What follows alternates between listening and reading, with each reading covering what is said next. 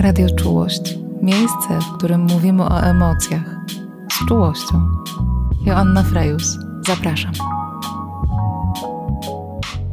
Dzień dobry, nazywam się Joanna Frejus, e, to jest Radio Czułość, a dziś razem ze mną w naszym wirtualnym studio Aneta Zychma, twórczyni, autorka takiej przestrzeni, e, która się nazywa Tulistacja, e, konsultantka kryzysowa, pedagogzka, osoba, która pracuje myślę sobie, a możesz mnie zaraz skorygować, Aneta, ale w takim trudnym bardzo, a jednocześnie bardzo potrzebnym kawałku pra pracy, mm, życia chyba po prostu.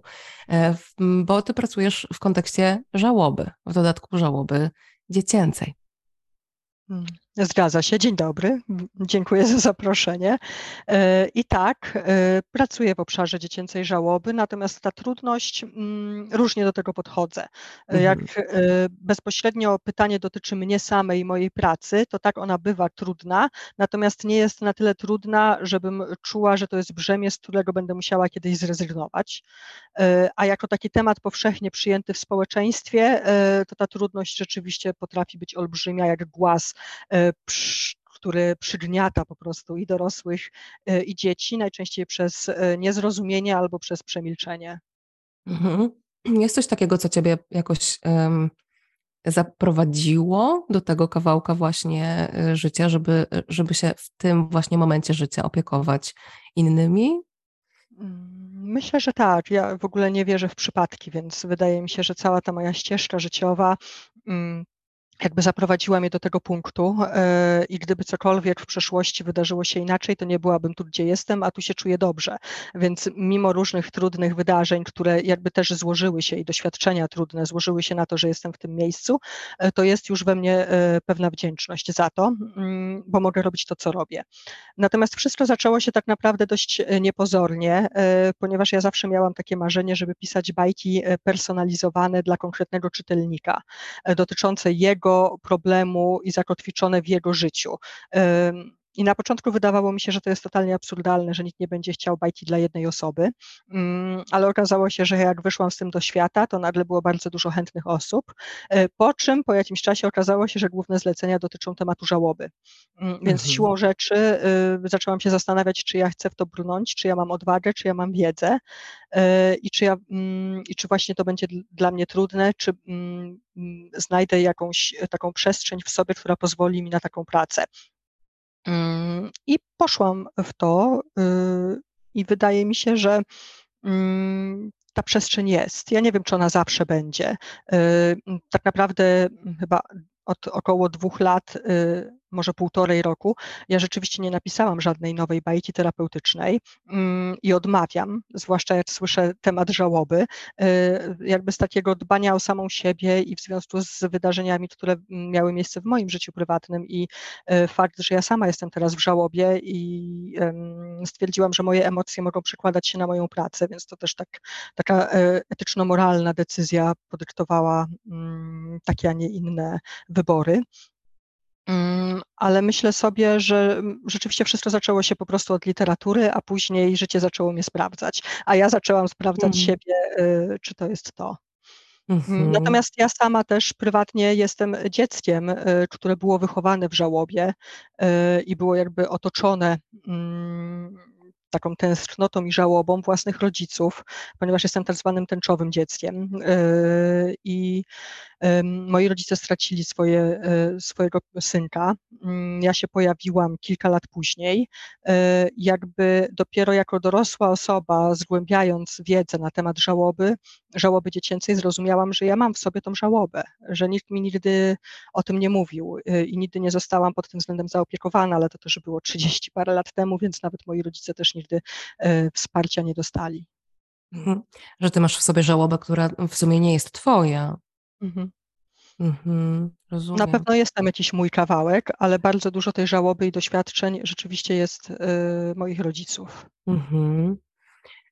Mm, jakoś mam bardzo dużo myśli y, w związku z tym, co, co, co, co teraz powiedziałaś. Mam bardzo dużo myśli na temat tego, jak, jak, jak bardzo często y, mm, to jest tak, że mm, właśnie, że to nie do końca my wybieramy nasz zawód, tylko to on wybiera nas, nie? I jak powiedziałaś, najpierw zaczęło się od literatury, a potem życie zaczęło mnie sprawdzać, to, to sobie pomyślałam, no wow, tak, to złapałaś coś, co, co często się, mm, często się faktycznie dzieje, mam wrażenie, w, szczególnie w tym takim gdzieś obszarze pracy związanej z emocjami i, i z różnymi trudnymi doświadczeniami. Um, ale też zatrzymałam się bardzo przy tym, co powiedziałaś w kontekście tęczowych dzieci, bycia tęczowym dzieckiem. E, to określenie, tak jak, tak jak powiedziałaś, to jeszcze raz jakoś tutaj e, podbiorę, czy wytłumaczę, że, że tęczowe dziecko to takie, które pojawia się w rodzinie jako kolejne po dziecku y, utraconym w jakiś sposób, czy to w okresie okołoporodowym, czy, czy później. I otworzyłaś w ogóle y, bardzo ważny temat tego, że strata y, dziecka czy ciąży w rodzinie mm, jest taką stratą, która może mieć wpływ nie tylko na tę parę, która to dziecko traci, ale też na inne dzieci tej pary, również te, które się dopiero w przyszłości pojawią być może. Mhm. Mhm. To y, jest w ogóle mm, piękny wstęp do, mm, y, do rozmowy o książce, którą y, chciałam dzisiaj pokazać mm, i o której chciałam dzisiaj porozmawiać. Jednej z kilku, bo mam wrażenie, że ona jakoś bardzo. To co prawda nie jest opowieść o dziecku tęczowym, nie? Mhm. Tylko o, o tym, co się może dziać z dzieckiem, z jego samopoczuciem, kiedy obserwuje swoich rodziców y, doświadczających straty okołoporodowej. Y, tamtej nocy nadeszła zima to jest książka wydana przez wydawnictwo Media Rodzina y, i i ona mówi właśnie o takiej dziecięcej żałobie, która wiąże się ze stratą rodzeństwa, które się nie zdążyło narodzić, albo które niejako narodziło się i chwilę później zmarło. Zgadza się. Mhm. Powiedz to, y, często pracujesz z mm, osobami, rodzinami, które doświadczają takiej właśnie straty i potrzebują wsparcia w kontekście zaopiekowania swoich żyjących dzieci? Mm, na początku y, pisania bajek terapeutycznych tak. Y, I gdy rzeczywiście zaczęłam się szkolić y, w tym obszarze, coraz częściej pojawiały się osoby właśnie z rodziny ze stratą okołoporodową. Często zdarzały się mamy same, które mhm. Mm, jakby bez partnera potrzebowały wsparcia. Mm, I nieraz tak naprawdę zamawianie takiej bajki terapeutycznej wydawało mi się, że jest bardziej dla dorosłej osoby niż dla dziecka. Mhm. I samo tworzenie, e, proces tworzenia tej bajki był w pewnym sensie terapeutyczny, e, bo ja pracuję też na takiej zasadzie, że muszę wiedzieć jak najwięcej e, na temat danej rodziny, żeby rzeczywiście ta bajka do niej pasowała. Mm, więc, Więc pojawia się pierwsze opowiedzieć, tak. Oni ci muszą opowiedzieć, jakoś ułożyć w narrację to, co, to czego doświadczyli. Mm. Tak, mm. i jeszcze często ta terapia narracyjna, tak mówiąc delikatnie, bo rzeczywiście to idzie w tą stronę terapii mm. narracyjnej, łączy się z terapią poprzez pisanie, bo bardzo mm. dużo osób, y, mm, ja zawsze daję wybór, albo rozmawiamy telefonicznie, albo rozmawiamy osobiście, albo rozmawiamy online, albo wysyłam pytania pisemnie i y, jest czas na odpowiedź tyle, ile y, dana osoba potrzebuje. Więc najczę naj, najczęściej jest to opcja pisemna. Ach, mm. Więc Pan Becker wszystko... by się tutaj ucieszył, że tak, to jest pisane. No. I, I, rzeczywiście mi też jest łatwiej, jak to jest pisane, bo nic mi nie umyka, ja mogę sobie do tego wrócić e, mhm. i też zawsze dostaję więcej informacji, jeżeli to jest pisane. Widać e, i nigdy nie dostaję też tych odpowiedzi szybko. E, mhm. Nieraz czas oczekiwania to jest dwa miesiące, gdzie ja już myślę sobie, mm, że może ja się przypomnę, bo ja też nie jestem osobą, która się przypomina i mówi, halo, tutaj miała być bajeczka, mhm. tylko jakby zostawiam to, bo wiem, że jakby najwięcej rzeczy dzieje się tak pomiędzy zamówieniem a bajką. Cały ten proces tak naprawdę trwa W tej interakcji, w przestrzeni, jaką zostawiam. E, I rzeczywiście nieraz to trwa dwa miesiące, kiedy ja dostaję odpowiedzi, wtedy dopiero zabieramy się za pracę, która polega na tym, że ja piszę pierwszą wersję, ona jest konsultowana, więc wprowadzane są często zmiany. Mm, nieraz są e, od razu akceptowane e, te teksty. Mm, i też ta praca uczy mnie takiej pokory, że ja nie jestem tutaj autorem, który ma się wymądrzać, że ja bym to lepiej napisała, tylko rzeczywiście nauczyłam się, że jestem tu na chwilę I ta chwila musi w pełni uszanować potrzeby osoby zamawiającej i potrzeby dziecka. E, I tutaj też pojawia się od razu taki mm, temat, e, że nawet jak my będziemy rozmawiać, jest mnóstwo podręczników mówiących o tym, jak rozmawiać z dzieckiem o śmierci, e, to to wszystko można sobie schować gdzieś do kieszeni w sytuacji, kiedy mamy konkretne dziecko i konkretną rodzinę, bo wiele rzeczy może się nagle zmienić. Mm. Mhm.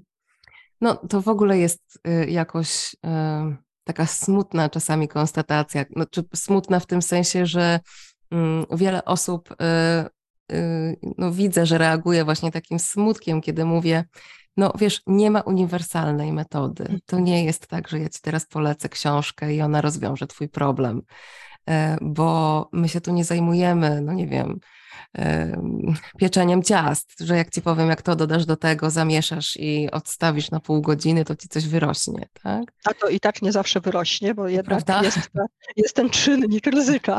Tak, zawsze jest jakiś czynnik, który tam jakoś wpływa zewnętrznie, ale e, tak, tym bardziej w tak skomplikowanym mm, bycie, jakim jest psychika e, i jakim jest, myślę sobie, szczególnie psychika dziecka, nie? Mhm, zgadza się, tak. Mhm. Mm, myślę sobie o tobie jakoś tak, myślę sobie bardzo ciepło w ogóle o tobie, jako osobie pracującej z, z dziećmi, bo znaczy wiem, że ta praca z dziećmi bardzo często jest tak naprawdę pracą z osobami dorosłymi, y, którzy y, y, się tymi dziećmi opiekują, ale mam poczucie, że praca z dzieckiem jest o tyle trudniejsza, że mm, ten język, którym się możemy posługiwać, on musi być dostosowany bardzo. Znaczy zawsze, zawsze język, którym pracujemy z pacjentami jest, musi być dostosowany do pacjenta, prawda? Ale e, w przypadku dzieci,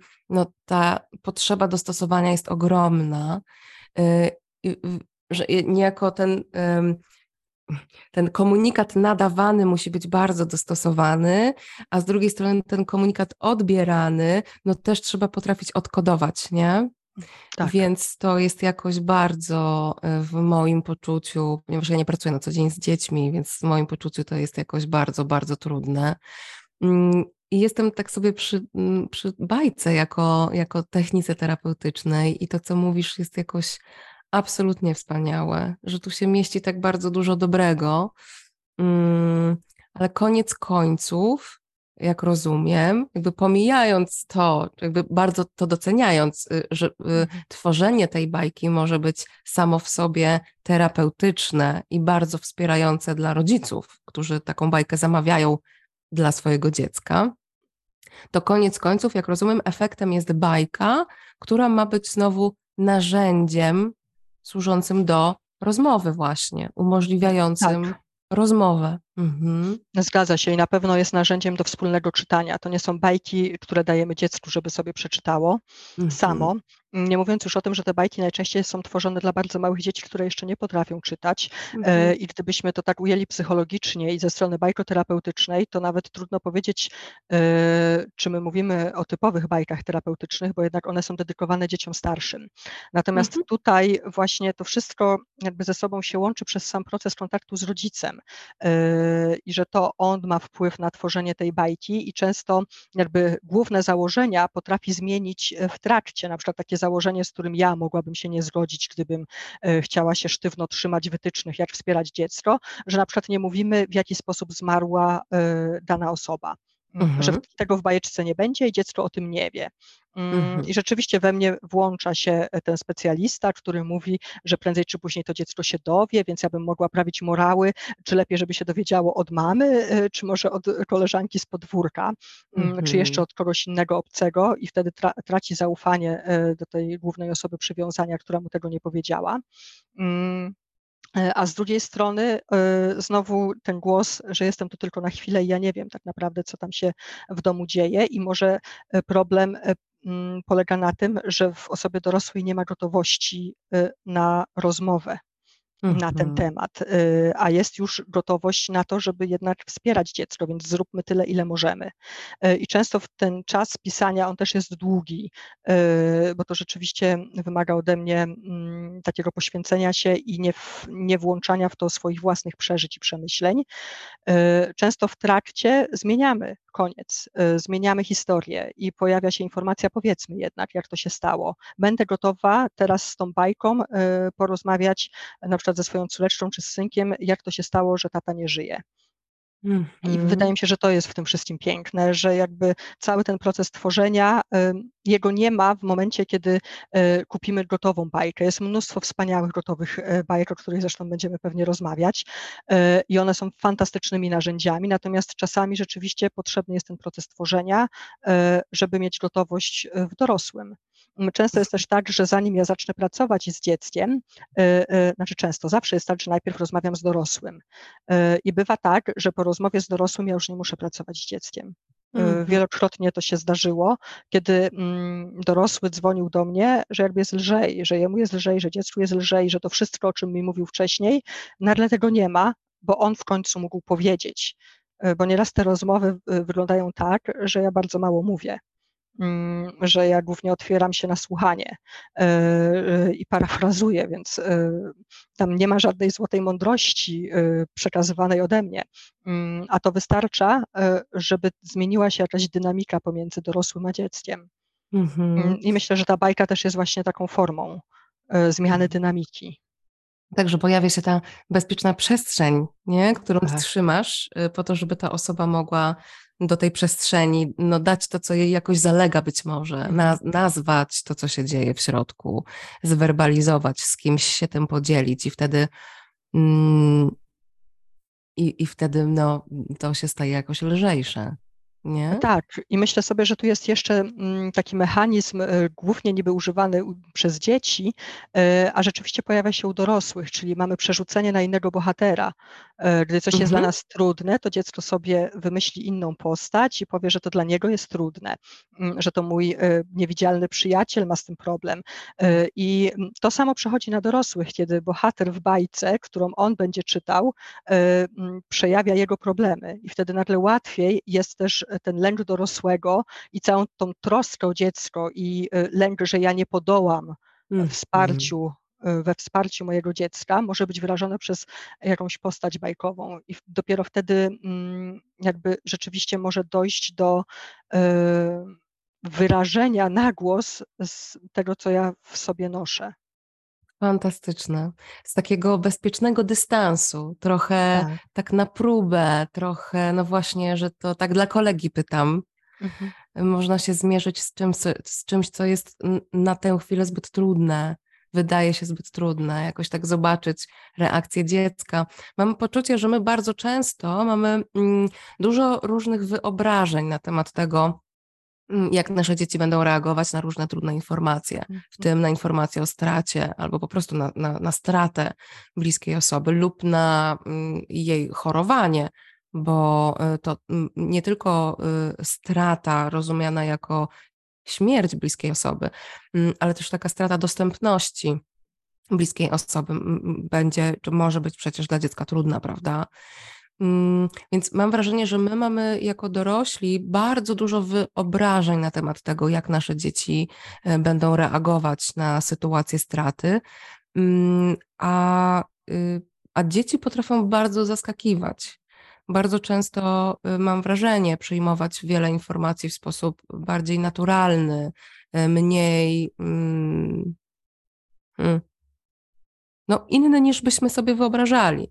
Ale przez tak. to, że mamy te wyobrażenia różne, mm, to próbujemy niejako mm, zawczasu e, chronić to dziecko. No, to pewnie wynika z no, bardzo dobrych intencji, tak? Próbujemy chronić to dziecko przed doznawaniem trudnych emocji, które de facto, no, jednak wydają się być naturalne w takiej sytuacji. I tym sposobem często wyświadczamy dziecku e, no, taką niedźwiedzią przysługę. Mm, zgadza się. Zresztą ja bardzo dużo pytań na tulistacji, na Facebooku dostaję przede wszystkim e, w związku na przykład z lekturami dla dzieci. E, mhm. Czy moje dziecko może przeczytać tę i tę bajeczkę, bo boję się, że zareaguje tak i tak. Mhm. Czy moje dziecko w szkole może przerabiać tą lekturę, bo tam umiera mama, albo dotyczy migracji mm, i kryzysu, mm, nawet kryzysu klimatycznego. E, Aha. to już jest jakiś taki mm, wewnętrzny niepokój rodziców. E, mhm. I wtedy pierwsze pytanie, które ja zawsze mm, staram się zadać w odpowiedzi, to jest ile tu jest lęku rodzica, a ile tu jest lęku dziecka. Mm, bo mhm. często może nam się wydawać e, właśnie, że coś jest nie do przejścia dla dziecka, a tak naprawdę to nam będzie trudno skontenerować jego emocje, jego pytania, bo nie jesteśmy na nie gotowi i to jest jak najbardziej okej. Okay.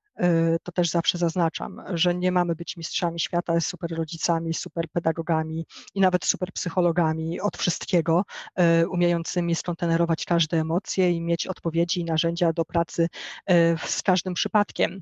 Mm, tak, I mówię dzięki, też tutaj. Mhm. Mówię też tutaj o sobie, bo tak naprawdę też posiadając konkretną wiedzę w sytuacji, która dotyka mnie bezpośrednio, potrafię robić rzeczy, y, o które bym się nie podejrzewała jako specjalistę. Mm, pamiętam, y, że gdy moja mama była już ciężko chora i wiedzieliśmy, że Mm, ta choroba zakończy się śmiercią, że już y, nie ma szans na to, żeby ją uleczyć. Mój synek bardzo często obserwował mnie, jak jestem smutna i pytał się, czemu jesteś smutna. Ja zawsze mówiłam, że jestem smutna, bo babcia jest chora. I on w końcu wyartykułował to, czego ja nie umiałam mu powiedzieć. Mamuś, ty jesteś smutna, bo wiesz, że babcia już nie wyzdrowieje, prawda? Hmm. Więc on doskonale wiedział, że babcia jest chora, ale wiedział, że ten smutek jest gdzieś głębiej, a ja nie umiałam mu tego powiedzieć. Mm, I wydaje mi się, mhm. że właśnie dzieci bardzo dużo czytają. Nawet nie wydaje mi się tylko, ja to po prostu widzę i doświadczam, że dzieci widzą więcej e, i że dzieci rzeczywiście wchodzą bardzo łatwo w taką pelerynę superbohatera, że ja cię ochronię, mamo, ja cię ochronię, tato. Mm, dlatego to jest ta niedźwiedzia przysługa, że jak my chcemy je chronić, to one e, wchodzą w ten sam mechanizm, to ja ciebie ochronię, nie powiem ci o moich problemach, nie powiem ci o moich przemyśleniach, e, i tak naprawdę robi się bardzo nieprzyjemne, błędne koło. Tak, a stąd już tylko krok do e, parentyfikacji, do tego, że dziecko się zaczyna czuć odpowiedzialne za emocje rodziców, że zaczyna ukrywać własne emocje, po to, żeby mm, e, rodzice nie doświadczali trudnych emocji e, i że zaczyna e, no, dostosowywać się do znowu swoich wyobrażeń na temat tego, czego potrzebują ci rodzice, tak, w tym poczuciu odpowiedzialności za, za nich po mhm. prostu. Mhm. za ich dobrostan. No a jak wiemy, to nie jest rola dziecka. Nie no chcemy, tak, żeby dziecko wchodziło w tę rolę. Mm. Okej, okay. wiesz co?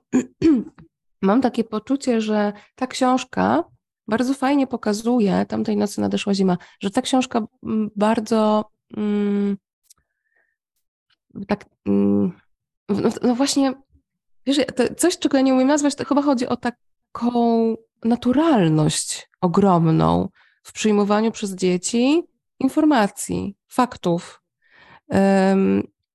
Mam wrażenie, że historia tego chłopca, który um, czeka z rodzicami przez 9 miesięcy na urodzenie się braciszka. Mm, o, braciszka czy siostrzyczki? Patrz, um, jest teraz A właśnie nie wiem, czy tam jest dokładnie powiedziane, kto będzie. Um, czy dzidziuś? Jest. Na braciszka, tak. Bardzo braciszka, długo czekałem prawda? No właśnie. Zwątpiłam przez chwilę.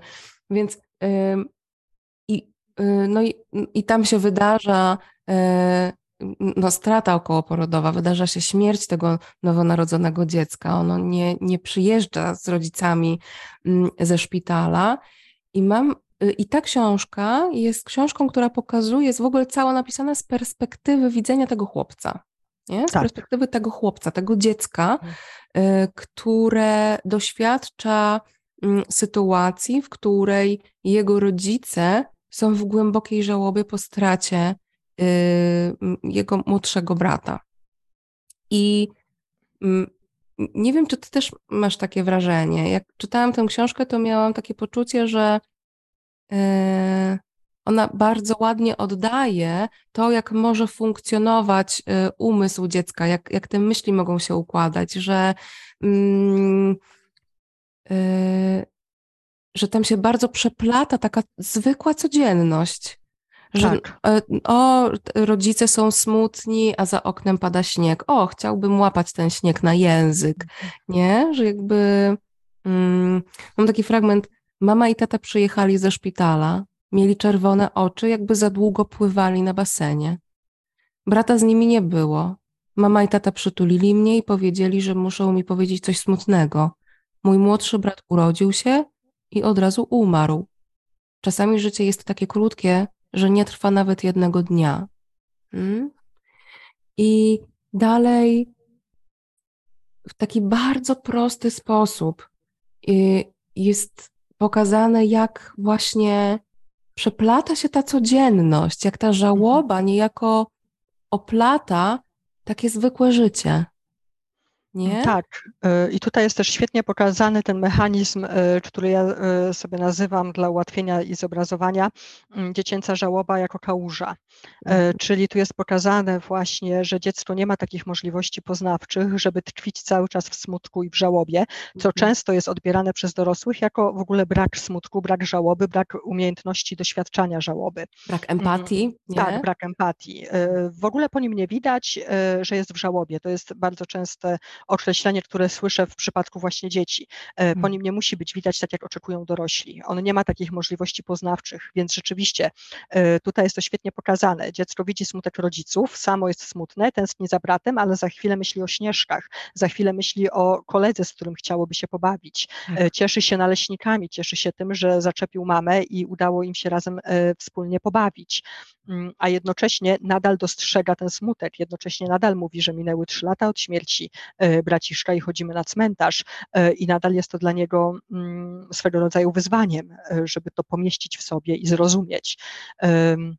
Więc rzeczywiście to świetnie oddaje, że dziecko e, w tym smutku jest na moment, po czym wyskakuje, bo inaczej mhm. nie udźwignęłoby tego ani poznawczo, ani emocjonalnie. Mhm. Natomiast my dorośli jesteśmy przyzwyczajeni już do takiej perspektywy osób dorosłych, że dorosły potrafi wejść w ocean smutku i potrafi mhm. na tych falach oceanu e, troszkę się zatopić, e, później wyjdzie, ten smutek jest olbrzymi, potrafi bardzo długo trwać i po jakimś czasie wyjdzie na ląd i znowu wpadnie do oceanu. No to u dziecka to nie jest ten ocean, tylko kałuża. Mm, mhm. Dlatego, jeżeli my zderzymy nasze oceaniczne wyobrażenia z tą taką małą, pospolitą kałużą, to może się wydawać nic nieznaczące. E, a to, że coś jest małe i nie do końca zrozumiałe, nie znaczy, że nie jest ważne. Mhm. To jest taka scena w tej książce pogrzebu, nie? Włożyliśmy czarne ubrania i poszliśmy do miejsca, które dziwnie się nazywało kaplica. Mhm. Śpiewali tam o jakimś ziarnie. Wiedziałem, że ziarno to inaczej roślinka, która jest jeszcze niemowlakiem. Przypomniało mi się, jak latem włożyliśmy z mamą do doniczek ziarna pomidorów. Chociaż zawsze pamiętaliśmy, żeby je, podle żeby je podlewać, to one i tak nie dojrzały. I jeszcze te metafory w mhm. tej książce są wspaniałe. Tak, nie? tak. nie znałem żadnych pieśni o ziarnach i okropnie mi się nudziło. Zaśpiewałem więc jedną piosenkę z bajki, tak głośno, mhm. żeby przekrzyczeć wszystkich dorosłych. Zapłakane buzie zaczęły się uśmiechać i to było fajne, ale wtedy tak bardzo się zawstydziłem, że musiałem zacząć kopać w ławkę przed nami. Mhm. Mam wrażenie, że to też e, w taki pie... właśnie to jest, jest taka, to jest piękno prostoty tłumaczenia, dlaczego dziecko może się zachowywać w bardzo różny sposób, też dla nas niezrozumiały i właśnie tak jak mówisz, tak. dla nas czasami rozumiany w taki sposób, że ono jakoś nie ma szacunku dla tej chwili, mhm. nie empatyzuje, no nie, nie jest ci przykro, że braciszek umarł, tak. nie, Mhm. mhm. Może Jeszcze kopiesz w ławkę, to już w tak. ogóle jakaś agresja w tym dziecku się e, tak. obudziła i tutaj zaczyna być niepokój dorosłego, że co to będzie, jak on się tak zachowuje, niegrzeczny, czyli to takie tak. E, okropne słowo, którego bardzo nie lubię. Tak. I, a kolejna scena jest taka, że on mm, po tym pogrzebie mm, gdzieś tam rodzice i dziadkowie się spotykają w domu dziadków i on się wymyka do ogrodu i skacze na trampolinie. Mhm. I mam wrażenie, że to też pięknie pokazuje, w jaki sposób dzieci mogą metabolizować swoje emocje, że dla nich będzie bardzo ważne, żeby to robić też poprzez ciało. Ja zresztą mhm. tak, i to jest w ogóle, poruszyłaś taki temat, który jest dla mnie ukochany i najbliższy i który jest jakby mm, tematem, nad którym chcę się pochylić teraz, w tym roku i w następnych latach. E, to jest właśnie dziecięce emocje, które są w ciele i wyrażanie tych emocji e, i spojrzeć na to z perspektywy dziecięcej żałoby. Mhm. E, bo ja uważam, że mimo wszystko bajki bajkami, opowieści opowieściami, ale jednak... Nazywanie nazywaniem. Tak, to mhm. wszystko jest potrzebne, natomiast e, ciało nie może być tutaj zapomniane, a w przypadku małych dzieci nie wiem, czy czasami nie jest jakby bliższe w takim spojrzeniu na jego przeżywanie i na żałobę, mhm. aniżeli właśnie słowa. E, dzieci tak. wyrażają emocje przez ciało, dzieci wyrażają swoje stany przez ciało. To świetnie jest opisane między innymi w książce Nie strach się bać, czy rodzicielstwo przez zabawę, e, gdzie mm, można mm, uchwycić, że, gdzie autor w ogóle uchwycił właśnie przez wiele lat pracując z dziećmi, że często poprzez zabawę i poprzez ruch, poprzez siłowańki, poprzez przekształcanie agresji e, w bezpiecznym miejscu, po prostu w jakąś siłę, która może wyjść z dziecka, możemy o wiele bardziej mu pomóc przetrawić te trudne emocje, coś niezrozumiałego, aniżeli byśmy siedzieli i mu tłumaczyli, i tłumaczyli, i rozmawiali, i nazywali, i kontenerowali. Dokładnie tak. Mm. Dokładnie tak. No. Tak, i ja właśnie dlatego też rozpoczęłam y, szkolenia z zabawy pierwotnej, z Original Play. To jest właśnie y, taka zabawa y, bez języka, bez mówienia, e, którą można wykonywać z dzieckiem e, w każdym wieku, e, z różnej narodowości, niezależnie od tego, czy jest pełnosprawne ruchowo, czy niepełnosprawne ruchowo, czy ma jakieś wyzwania rozwojowe, czy ich nie ma. I moim marzeniem jest właśnie jakby połączenie original play tej pierwotnej zabawy poprzez dotyk i poprzez tworzenie bezpiecznej przestrzeni, połączenie tego właśnie ze wsparciem w procesie żałoby, czyli chciałabym pierwotną zabawę przenieść na grunt wsparcia dzieci y, w żałobie. Och, jaki to jest piękny pomysł, Aneta. O, ran, to już w ogóle się otwiera jakiś inny temat, w ogóle, znaczy inny i nie inny. Wiesz, e, mam bardzo e, podobne przemyślenia w kontekście psychoterapii też osób dorosłych. Mhm. E, jak bardzo często, mm, oczywiście to zależy od osoby, od jej potrzeb i tak dalej, natomiast jak bardzo często samo właśnie mówienie, nazywanie, opowiadanie i tak dalej, oczywiście, że mm, pozwala nam bardzo wiele rzeczy, no właśnie, ja tak mówię, zmetabolizować, tak, jakoś obejrzeć, zrozumieć, mm, też poczuć, ale bardzo często docieramy do takiego miejsca, w którym y, no ja pracując w gabinecie jako psychoterapeutka, wiesz, nie, mo nie mogąc absolutnie przekroczyć tej granicy dotyku, nie, nie mogąc, yy, znaczy mogąc za, yy, zaproponować jakieś określone mm, ćwiczenia z zakresu pracy z ciałem, no ale jednak bardzo ograniczone, tak, no bo mm, Chyba ze względu na konwenans najbardziej, bo właściwie jak Chyba sobie teraz tak. tak pomyślałam, to prawda, to nic nie stoi na przeszkodzie, mhm. żeby w gabinecie psychoterapeutycznym były maty, na których można też wykonywać różne ćwiczenia i tak dalej. No ale w każdym razie, tak klasycznie rozumiana psychoterapia w tej chwili, no mało ma wspólnego z pracą z ciałem, tak? I to świetnie, że my już dotarliśmy do miejsca, w którym się pracuje na przykład z oddechem, nie? Ale, tak. mm, ale wszystkie takie y, y, jakieś mm, pogłębiona praca z ciałem, no jednak jest y, w takim typowym gabinecie gabinecie psychoterapeutycznym no, mocno ograniczona. I jak najbardziej to jest w ogóle piękna rzecz, o której ty mówisz. I od razu mi się przypomniało, byłam kiedyś na takim wykładzie mm, taki, taki, e, takiego profesora, który pracuje na co dzień z dziećmi po doświadczeniu traumy. Mhm. I pokazywał nam nagrania e, z mm, e, takich miejsc w Afryce, gdzie pracuje z dziećmi, mm, które doświadczyły traumy siłą rzeczy nie mogąc się z nimi porozumieć e, za pomocą języka i właśnie robiąc to, o czym ty opowiadasz, e, kontaktując się, komunikując się z nimi poprzez ruch ciała, zapraszając ich do, do takich właśnie, do takich zabaw, e, no, gdzie jest uruchamiane ciało, gdzie jest uruchamiany ruch, uruchamiany ruch, no niech będzie. I, i, I tak, i on się dzielił właśnie świetnymi wynikami. Terapia traumy poprzez po prostu taką zabawę, poprzez uruchamianie ciała. Mm. Mhm. Brzmi to super. Tak, ja, ja jestem tym zachwycona. Ja też to doświadczyłam sama na swojej e, skórze. Mm. w okresie, kiedy moja mama rzeczywiście była już ciężko chora, ja też akurat wtedy y, ten czas nałożył mi się chociażby na takie zwykłe szkolenie na temat ciała i emocji w ciele, mm, prowadzony przez terapeutki e, tańcem i ruchem. Mhm. E, ja musiałam wykonywać te ćwiczenia. Stwierdziłam, że jeżeli to będzie dla mnie za trudne, to nie będę się spotykała e, na Zoomie, bo to było szkolenie online e, i będę dawała znać dziewczynom, że jednak tego nie udźwignę, mm, ale dawałam sobie taką przestrzeń, że a nuż.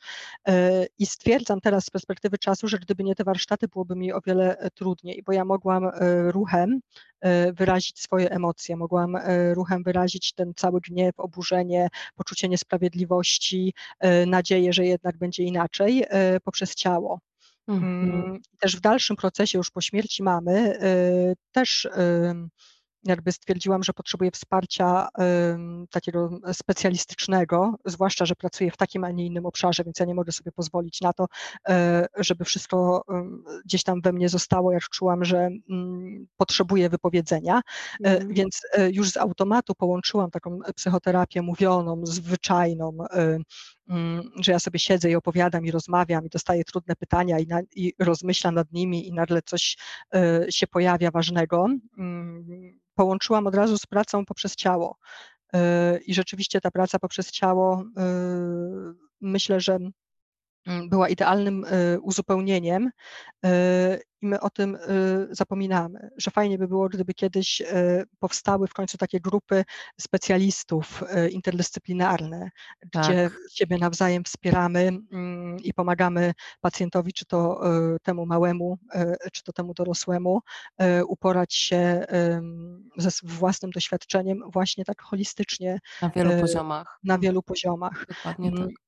Mm, a ten pomysł cały też pracą z ciałem pojawił się, gdy e, przeczytałam, że jest takie mm, wielokulturowe centrum wsparcia dla dzieci w żałobie w Portland. I ono mhm. siłą rzeczy też musiało, przez to, że jest wielokulturowe i dzieci są na różnym etapie rozwoju i mówią różnymi językami, stworzyć coś, co będzie je rzeczywiście w tej żałobie wspierało. I oni stworzyli taką salę, którą nazwali sala Tornado.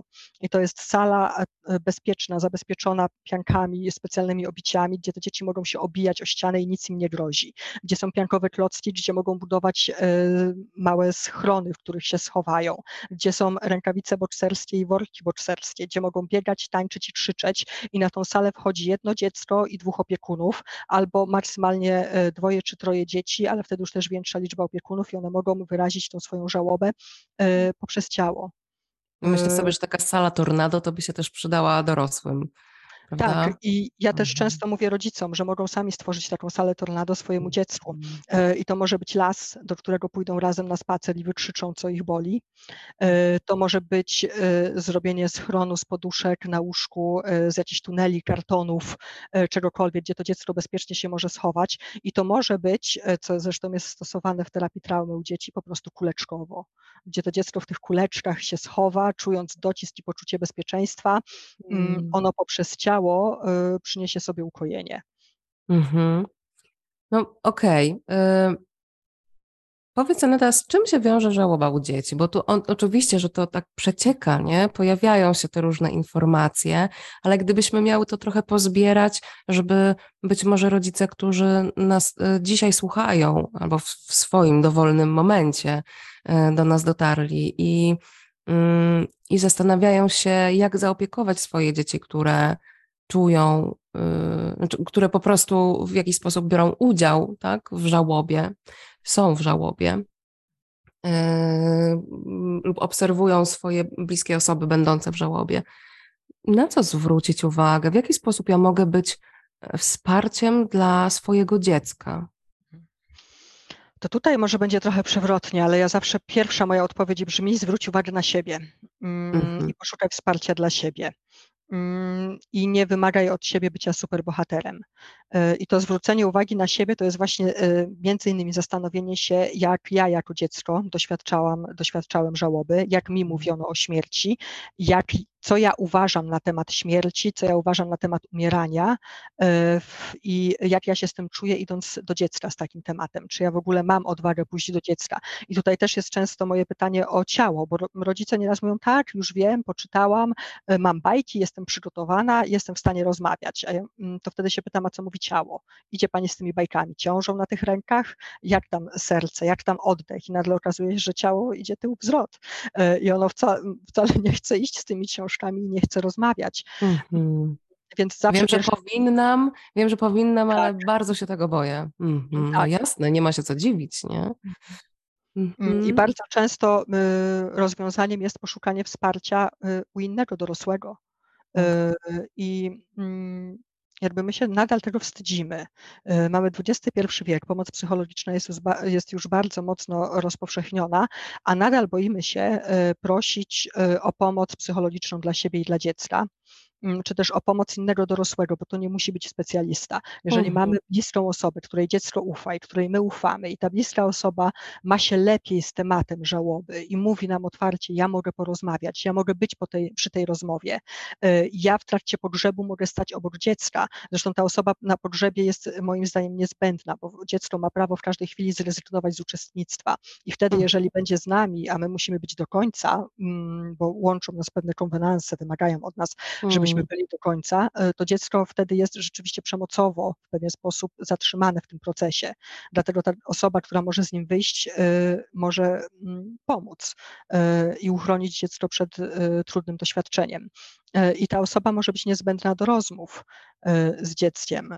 To ona może zauważyć, jak wygląda żałoba dziecięca tego konkretnego dziecka, bo my, będąc z nim bardzo blisko, możemy nakładać na niego swoje emocje, swoje przemyślenia albo no próbować sami będąc też, Tak, i sami będąc w tej żałobie, prawda?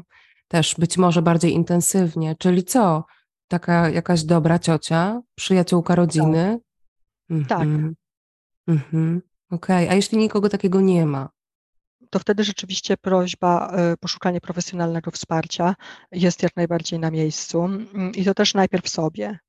Mhm. Y, bo dopóki my nie będziemy mieć właśnie takiej przestrzeni i odwagi na rozmowy, mm, to może być nam trudno, bo my często mamy właśnie takie wyobrażenie, że jedna rozmowa wystarczy. Nie wystarczy. Jeżeli dziecko w końcu poczuje naszą dostępność, to ono będzie mogło pytać o to bezustannie. Mm, mhm. Te pytania mogą się kilka razy dziennie pojawiać, mogą się codziennie pojawiać, mogą się pojawiać co kilka dni i dokładnie o to samo. E, więc my też musimy rzeczywiście mieć w sobie zasoby do tego, żeby jeszcze raz na to odpowiadać, żeby nie powiedzieć, a przecież już ci mówiłam, albo udawać, że w ogóle pytania nie było, mm -hmm. albo zmieniać nagle temat. Albo się denerwować. Tak. Że dla, że y, no nie myśląc, mając taką myśl, że czemu ty mi to robisz, czemu ty ciągle pobudzasz te moje trudne emocje, przecież tak. ja się muszę znowu spotkać ze swoimi trudnymi emocjami, kiedy ty mi zadajesz trudne pytania. Nie? Mhm. Wiesz co, a y, mam jeszcze takie pytanie, y, z którym y, też mm, zdarza się, że przychodzą do mnie rodzice i mm, to jest takie pytanie, że ono jest bardzo praktyczne, ale myślę, że warto spróbować na nie odpowiedzieć, o ile jest jedna odpowiedź, bo jak wiemy, rzadko to tak wygląda. Co ty uważasz na temat wchodzenia dzieci do kaplicy w momencie, kiedy trumna jest otwarta, widać zwłoki osoby zmarłej. E, czy, czy to jest dobry pomysł, niedobry pomysł, czy wymaga jakiegoś przygotowania dziecka? E, siebie. Jakby ja zadając to pytanie, słyszę, że to jest ważne, żeby najpierw ze sobą w ogóle sprawdzić, jakie to dla mnie jest, tak? Ale tak Twoim okiem, co byś mogła w tym temacie powiedzieć? Mm, tutaj e, padnie, padną te dwa chyba słowa najczęściej używane przez Och, specjalistów wspierających, czyli to zależy. E, to zależy od wielu czynników. Nie ma znowu jednej uniwersalnej odpowiedzi. Mm, bo to zależy od naszej gotowości, od naszych doświadczeń, czy my się boimy wejść do kaplicy, co, jak na nas działa zobaczenie martwego ciała, czy my kiedykolwiek mieliśmy takie doświadczenia e, i czy one nie będą, e, e, nagle nie okaże się, że one były dla nas bardzo trudne albo traumatyczne i w momencie, kiedy my jeszcze raz będziemy chcieli chcieli, będziemy w czymś takim uczestniczyć, to ta trauma powróci ze wzmożoną mm -hmm. siłą. Mm -hmm. A druga sprawa to jak najbardziej rozmawiać z dzieckiem na miarę jego możliwości, y, opisać mu dokładnie, co się będzie działo i zadawać pytanie, czy ono chce brać w tym udział, mając właśnie świadomość, że ono może powiedzieć tak, na przykład, żeby nie zmartwić mamusi, nie zmartwić tatusia, albo bo będzie się bało być samo, bo wszyscy będą tam. Mm. Więc to jest mhm. bardzo delikatna sprawa. Trzeba naprawdę dobrze znać swoje dziecko, żeby wiedzieć, czy to jego tak to jest takie tak prawdziwe, czy to jest tak, y, bo ja już wchodzę w rolę superbohatera, żeby uchronić rodziców i mm, albo wchodzę w rolę grzecznego dziecka, y, żeby nie robić kłopotów, bo widzę, że i tak już wszyscy są smutni i skoro wszyscy idą do kaplicy, to ja też muszę mm, i mieć właśnie świadomość, że tak y, o godzinie 14 może być o 14.05 nie. I właśnie wtedy jest potrzebne to zaplecze dorosłego, który w każdej chwili powie: OK, nic się nie dzieje, możemy stąd pójść. Albo OK, mhm. oni pójdą, a my możemy tu zostać. Mm, mhm. Albo OK, pójdziemy tam, jak już wszyscy wyjdą, y, bo będziesz chciał wejść tam sam, jak nie będzie tłumów. Mm, Jasne. Albo okej, okay, nie chcesz widzieć e, tego smutku, e, bo warto dziecku powiedzieć, że ludzie mogą płakać, mogą różnie reagować i może dziecko powie, że ono nie chce tego widzieć, ono nie chce słyszeć płaczu, ono nie chce patrzeć na płaczących ludzi e, i to znowu nie jest egoistyczne, wredne czy mm, paskudne zachowanie dziecka, które nie rozumie żałoby i cierpienia, tylko to jest po prostu taki mechanizm w dziecku swego rodzaju autoterapeutyczny, kiedy on wie, co jest w stanie udźwignąć, a czego nie. Hmm. czasami spotykam się też z takimi pomysłami, że najlepiej to dziecko w ogóle wywieźć mhm. gdzieś do, nie wiem, babci, cioci, do kogoś, kto nie bierze udziału w y, całym procesie y, żegnania osoby zmarłej, no i przywieźć dopiero jak już będzie po wszystkim. Mhm. No to ja wtedy się pytam, czy ty byś chciał być wywieziony? Mm, mhm. Czy nie chciałbyś mieć możliwości pożegnania i y, posiadania wiedzy tego, co się stało? To jest dokładnie to samo, jak rodzic na przykład podmienia y, chomika, który umarł. Och, albo wiesz, poruszyłaś teraz, tak, poruszyłaś teraz bardzo wrażliwe, bardzo wrażliwe miejsce w moim sercu. Y, tak. Y, mhm. Do, ja do tej pory pamiętam, że, że nie miałam możliwości pożegnania się z mhm. swoim psem, y, mm, bo po prostu moi rodzice zadecydowali, znaczy, oczywiście na wskazanie weterynarza, tak, że, że, że jest potrzebna eutanazja po prostu temu psu. Natomiast no, w żaden sposób nie włączono mnie w ten proces i, i czy, czy ja nie wiem, co sobie myśleli moi rodzice wtedy, że ja nie wiem, nie zauważę, że, że nie ma psa, który był ze mną przez kilkanaście lat. No, mhm. obłęd. No, to jest obłęd prawdziwy. I to właśnie wychodzi z takiego mechanizmu, uchronimy ją i ona tak. wtedy na pewno nie będzie czuła tego smutku.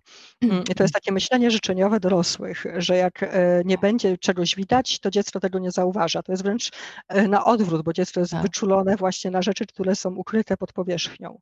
Tak. I, I takie dziecko zostaje nie tylko ze smutkiem e, związanym ze stratą, ale też właśnie z jakimś poczuciem totalnej niesprawiedliwości, nieuszanowania jego praw, właśnie jest pozbawione, tak jak powiedziałaś wcześniej, jakiegoś takiego poczucia zaufania, że tak. Y, skoro w tak ważnej kwestii nie mogę liczyć na to, że zostanę włączona prawda, w ten proces jakoś decydowania czy bycia w ogóle obecną, to, to, to co będzie następnym razem. Mm. Okay. Ale myślę też sobie, że temat śmierci zwierząt i dziecięcej żałoby związanej ze śmiercią zwierząt często jest jeszcze większym tematem tabu niż śmierć członka rodziny ludzkiego. Mm, członka rodziny. E, Dlaczego? Chociaż mm, właśnie nie wiem, z czego to wynika. Natomiast mhm. ja już napisałam jakiś czas temu bajkę mm, o śmierci psa dla dzieci już w wieku tak 2, plus, nawet ona mogłaby być w wersji takiej kartonowej, dużej, rozkładanej. E, z jednej strony jest ta warstwa wspierająca dla rodziców, a z drugiej e, próba wytłumaczenia, że na przykład pies, który umarł, już nie odumrze, bo mm. przecież dzieci w tym wieku nie wiedzą, y, że śmierć jest procesem nieodwracalnym. Mm, I y, wysyłam ją po różnych wydawnictwach jako propozycję wydawniczą i najczęściej albo nie dostaję żadnej odpowiedzi, albo dostaję odpowiedź, że ta historia jest świetna, natomiast my zupełnie nie wiemy, jak to ugryźć marketingowo. Jak z mm. tym wyjść do ludzi, żeby nie wzbudzić trudnych emocji. I rzeczywiście łatwiej było mi wyjść z książką do świata, w której jest śmierć ludzka, śmierć osoby, aniżeli śmierć zwierzęcia, która jest związana z żałobą. Więc to jest też taki zupełnie nie, niezaopiekowany obszar. I też tak jakieś niezrozumiała jest dla mnie ta argumentacja, żeby nie wzbudzić trudnych emocji, bo śmierć człowieka, ludzkiego członka stada y, nie budzi trudnych emocji. Rozumiem. Myślę, że y, wydaje mi się, że to może być jeszcze głębiej, że właśnie poruszymy ten temat tabu, gdzie rodzice ukrywają śmierć, podmieniają zwierzątka. I tutaj będą te niewygodne emocje. No tak, Aneta, bo to nas... robimy, tak, tak. Następną, tak. Książkę, następną książkę napiszesz o tym, że Mikołaj nie istnieje. Rozumiesz? Tak. To jest trochę, tak, w tę stronę rozumiem, okej. Okay. No dobrze, rozmawiamy o żałobie, a więc o sytuacji, w której e, no, jakaś osoba y, lub zwierzę umiera, jakiś członek stada, tak, bliska, bliska osoba. Umiera, y, czasami niepoznana, czasami rodzeństwo, które dopiero miało się pojawić, bo przecież strata okołoporodowa wydarza się w bardzo y, różnym momencie tej ciąży. Więc to, to o żałobie, ale przecież mamy do czynienia też z takimi momentami, w których y, dziecku ma prawo być emocjonalnie trudno, ale które mhm. nie dotyczą tematu śmierci. Mogą na przykład dotyczyć tematu choroby y, takiej bliskiej osoby. Y, choroby albo tego, że taka osoba doświadcza trudnych emocji, i znajduje się w otoczeniu dziecka. I y, na, na tę okoliczność y, przygotowałam y, mm, szczególnie książkę Szalik Ciotki Melancholii. To jest wydawnictwo. Studio Koloru. Studio Koloru, no tak, ty znasz, bo przecież swoją tak. książkę co najmniej jedną z, z nimi wydałaś. E, Studio Koloru, Szalik Ciotki Melancholii. To jest książka, która się bardzo niedawno pojawiła, mm, a jest niejako kontynuacją, no tak, jest, to, mhm. jest to ten sam szczurek, prawda, który, tak. Mm, który się pojawia. Mm, e, to ten szczurek, który, którego poznaliśmy na kartach książki Plasterki na e, tęsknotę. Autorstwa Ewi, Ewy Zawiszy-Wilk z ilustracjami, z ilustracjami Pawła Wąsowicza. Czytałyśmy te książki. Tak. E, I mi się szalik bardzo podoba. Mi również. Wiem, że miałaś mm. troszkę y, y, zastrzeżeń do mm, plasterków na tęsknotę, bo one w troszkę taki niewspółczesny sposób mówią o żałobie, prawda? Dzielą, plasterkują y, niejako żałobę na, na etapy. Mm, tak. A w tym momencie współcześnie mówimy o żałobie inaczej, prawda? Rozumiemy ją inaczej. Tak, bardziej z perspektywy zadań, a nie etapów do zrealizowania. Natomiast też spoglądając na to z tej strony z warstwy literackiej, to rzeczywiście dla małego czytelnika mogło być bardziej czytelne e, mhm. w plasterkach, e, tak. bardziej zrozumiałe, że te różne emocje mogą się pojawiać e, w momencie straty mm, i mogą się przeplatać i ostatecznie jakby dążymy, niezależnie od tego, czy będziemy patrzyli na żałobę etapowo, czy też zadaniowo, to i tak e, ostatecznie chodzi do tego, żeby zaakceptować tą rzeczywistość, która e, jest już po stracie, czyli zaakceptować tak naprawdę nową rzeczywistość, w której nie ma już osoby zmarłej. Mhm. E, natomiast szalik ciotki melancholii jest, mm, jest jeszcze o czymś innym. On jest o tym, że czasami nam się przytrafia taka sytuacja w życiu, że nam się szalik zapomniany zupełnie, ciotki melancholii, owija wokół szyi i nie chce puścić. Tak. I wtedy y, jest trudniej. Mhm. Y, I wtedy mm, wiele rzeczy, które znamy doskonale z codziennego życia, staje się trudniejszych. Y, I wtedy trudno jest się cieszyć. I wtedy, kiedy przychodzą przyjaciele i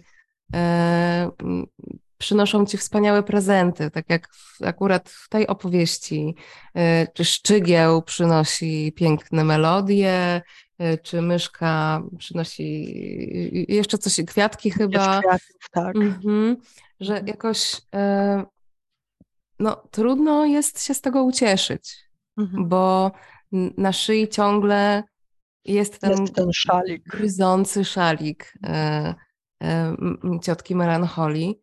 Bardzo się uśmiechnęłam, jak powiedziałaś w którymś momencie dzisiaj, że ty właściwie w swojej pracy to się nastawiasz na słuchanie, bo okazuje się, że w tej historii również to właśnie ta postać, która nie ma głosu, bo jest rybą i głównie słucha, e, podpowiada różne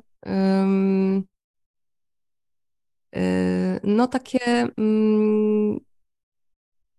no jak to powiedzieć, rzeczy, działania, mm-hmm. działania, które tak. mogą pomóc. I między innymi tu jest po pierwsze piękna metafora tego, że ja potrzebuję sobie uświadomić, że ja ten szalik mam na szyi i tak. przyjaciele za namową ryby, yy, za jej sugestią yy, idą do szczurka z lustrem. Zgadza się. Mm, to jest e, naprawdę piękna historia i mi się podoba to, no. że można ją odczytywać na takim poziomie skierowanym do dorosłych i poziomie skierowanym do dzieci, e, tak. gdzie zarówno możemy mówić, e, że szczurek jest dorosłym, który doświadcza depresji, bo możemy to nazwać wprost, tak. że szczurek to nie jest taka e, zwykła przedłużająca się melancholia, tylko ten mm, szalik mm. coraz bardziej się zaciska e, i tak. utrudnia szczurkowi codzienne funkcjonowanie. I ten szczurek może być dorosłym, ale do, takie same doświadczenia mogą mieć dzieci. Dokładnie. E, I, to, I tutaj jest świetnie jest pokazane, jak nieraz my dorośli chcemy um, pocieszyć dziecko, które doświadcza trudnych emocji, dając mu prezenciki, a to przyniesie tak. nową pioseneczkę, nową zabawkę, nowy bukiecik i jesteśmy zaskoczeni, że dziecko nadal źle się czuje. Mm, więc rzeczywiście to jest pięknie pokazane, że e, w obliczu cierpienia, w obliczu smutku to nie ma znaczenia, czy mamy dwa lata, czy mamy pięć lat, czy mamy 45, czy 80. Tak. Um, tak. I że z jednej strony ta książka pom może pomóc zrozumieć, e, co się dzieje ze mną, nie? Mhm. Może też, zobacz, pomóc stworzyć taki język, którym my się możemy posługiwać, nie? Tak. E, że być może to jest y, fajny pomysł, tak, na to, że, y, że, że ja zamiast przyjść i powiedzieć, chyba mam depresję, no bo mhm. będąc dzieckiem to jest trudne, y, mogę, mogę się posługiwać taką metaforą, że na przykład, no chyba mi się ten wełniany szaliczek, tak, tutaj na szyi pojawił. Tak. E, I ta książka, tak jak mówisz, jest w stanie też pomóc zrozumieć, co się dzieje z osobą dorosłą, która być może się w środowisku dziecka znajduje i doświadcza depresji.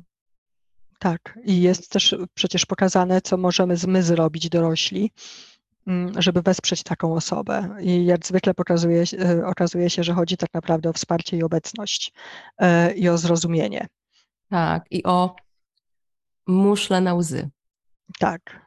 Taki pojemnik, e, w którym ta, ten smutek, no się po prostu mieści, a jak już się zapełnia, to, to można ten pojemnik opróżnić i jest lżej.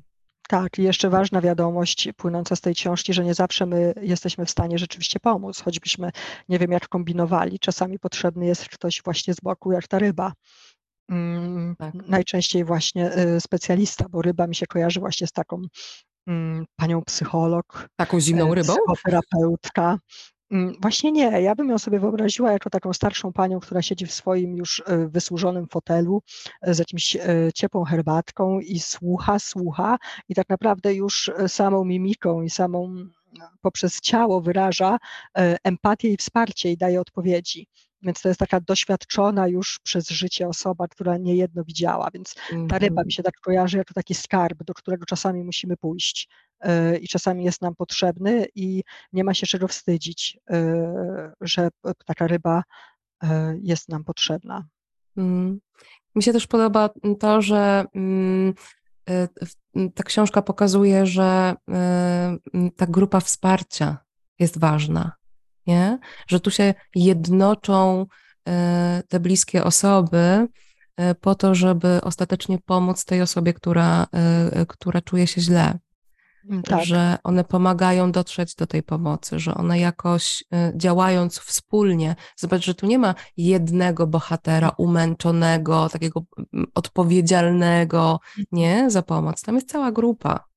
Tak, ale też wydaje mi się, że tam jest jasny komunikat, że ta cała grupa nie zrobi nic za szczurka, że mimo tak, wszystko to tak. on musi sam e, uwolnić się, sam zdecydować się na to, że chce pomocy i ją przyjąć.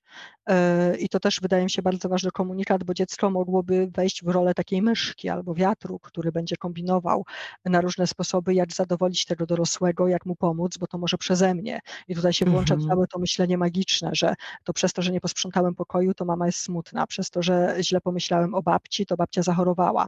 Do tutaj to Och, jest to pięknie pokazane, ważne. że my nie tak. mamy takiej odpowiedzialności tak. za drugą osobę, że to szczurek tak. sam jest odpowiedzialny za siebie, a my możemy być obok ze swoimi y, otwartymi sercami. Myślę, że, że to jest właśnie komunikat, którego bardzo często po prostu brakuje, kiedy my doświadczamy jakichś trudnych emocji jako, jako dorośli, jako mamy, jako ojcowie, albo y, o, jakoś wspólnie obserwujemy, no właśnie, na przykład cierpienie czy chorowanie babci i tak dalej, że bardzo często brakuje tej informacji, że po pierwsze, ty jako dziecko nie masz z tym nic wspólnego, po drugie, że nie odpowiadasz za to, żeby tej osobie się mm, polepszyło, lub nie możesz zrobić nic, żeby jej się pogorszyło. I po trzecie, że to są y, problemy dorosłych, ale nie w tym sensie, że ty idź, bo i tak nic nie zrozumiesz, tylko mhm. że to są problemy dorosłych i to do, do dorosłych należy ich rozwiązywanie. Mm, że y, dzieci mogą towarzyszyć, y, ale nie mogą być obarczone, no właśnie, odpowiedzialnością, mhm. nawet jeżeli ona jest tylko wyobrażona, tak, w ich głowie, to nie mogą być obarczone taką odpowiedzialnością. Um, no, to bardzo, bardzo ważne. Mhm. I tutaj właśnie nie wiem, czy ja mam ze sobą Chyba mam, tak. Jest taka książeczka Lindy Goldman, ja sobie pozwolę ją pokazać. Mm -hmm. Jak rozmawiać z dziećmi, kiedy ktoś umiera, i to jest specjalistka, która pracuje właśnie z dziećmi w żałobie. E, I ona pokazała fantastyczną rzecz na podstawie swojego naprawdę wieloletniego doświadczenia, że bardzo często, kiedy pada to pytanie od dzieci, dlaczego tata umarł, dlaczego babcia choruje, dlaczego szczurek ma zawinięty szalik melancholii wokół szyi, e, to mm, ona to nawet wyliczała, że około w 80-90% chodzi y, tak naprawdę o to, że przeze mnie. Czyli w mhm. momencie, kiedy dziecko pyta, dlaczego y, szczurek jest taki nieszczęśliwy, to najlepszym sposobem odpowiedzi jest, a dlaczego, jak ty myślisz, dlaczego? I wtedy okazuje się, że mhm. dziecko mówi, y, bo byłem niedobry w przedszkolu i, i nie posprzątałem po sobie, mm, bo nie zjadłem zupy od babci. No tak, a e, ktoś powiedział, że to jest ta łyżeczka za babcię i ja jej nie zjadłem. Tak, właśnie. E, więc pytanie dlaczego to jest po prostu podstawowe pytanie, które powinno nam zapalać e, taką jeszcze większą uważność na dziecko. Mm, bo w momencie, kiedy ono pyta dlaczego, to ono już najczęściej ma odpowiedź dlaczego. Mhm. Mm, jeżeli my dotrzemy, tak, dotrzemy do tej odpowiedzi, to my już wiemy tak naprawdę o czym rozmawiać.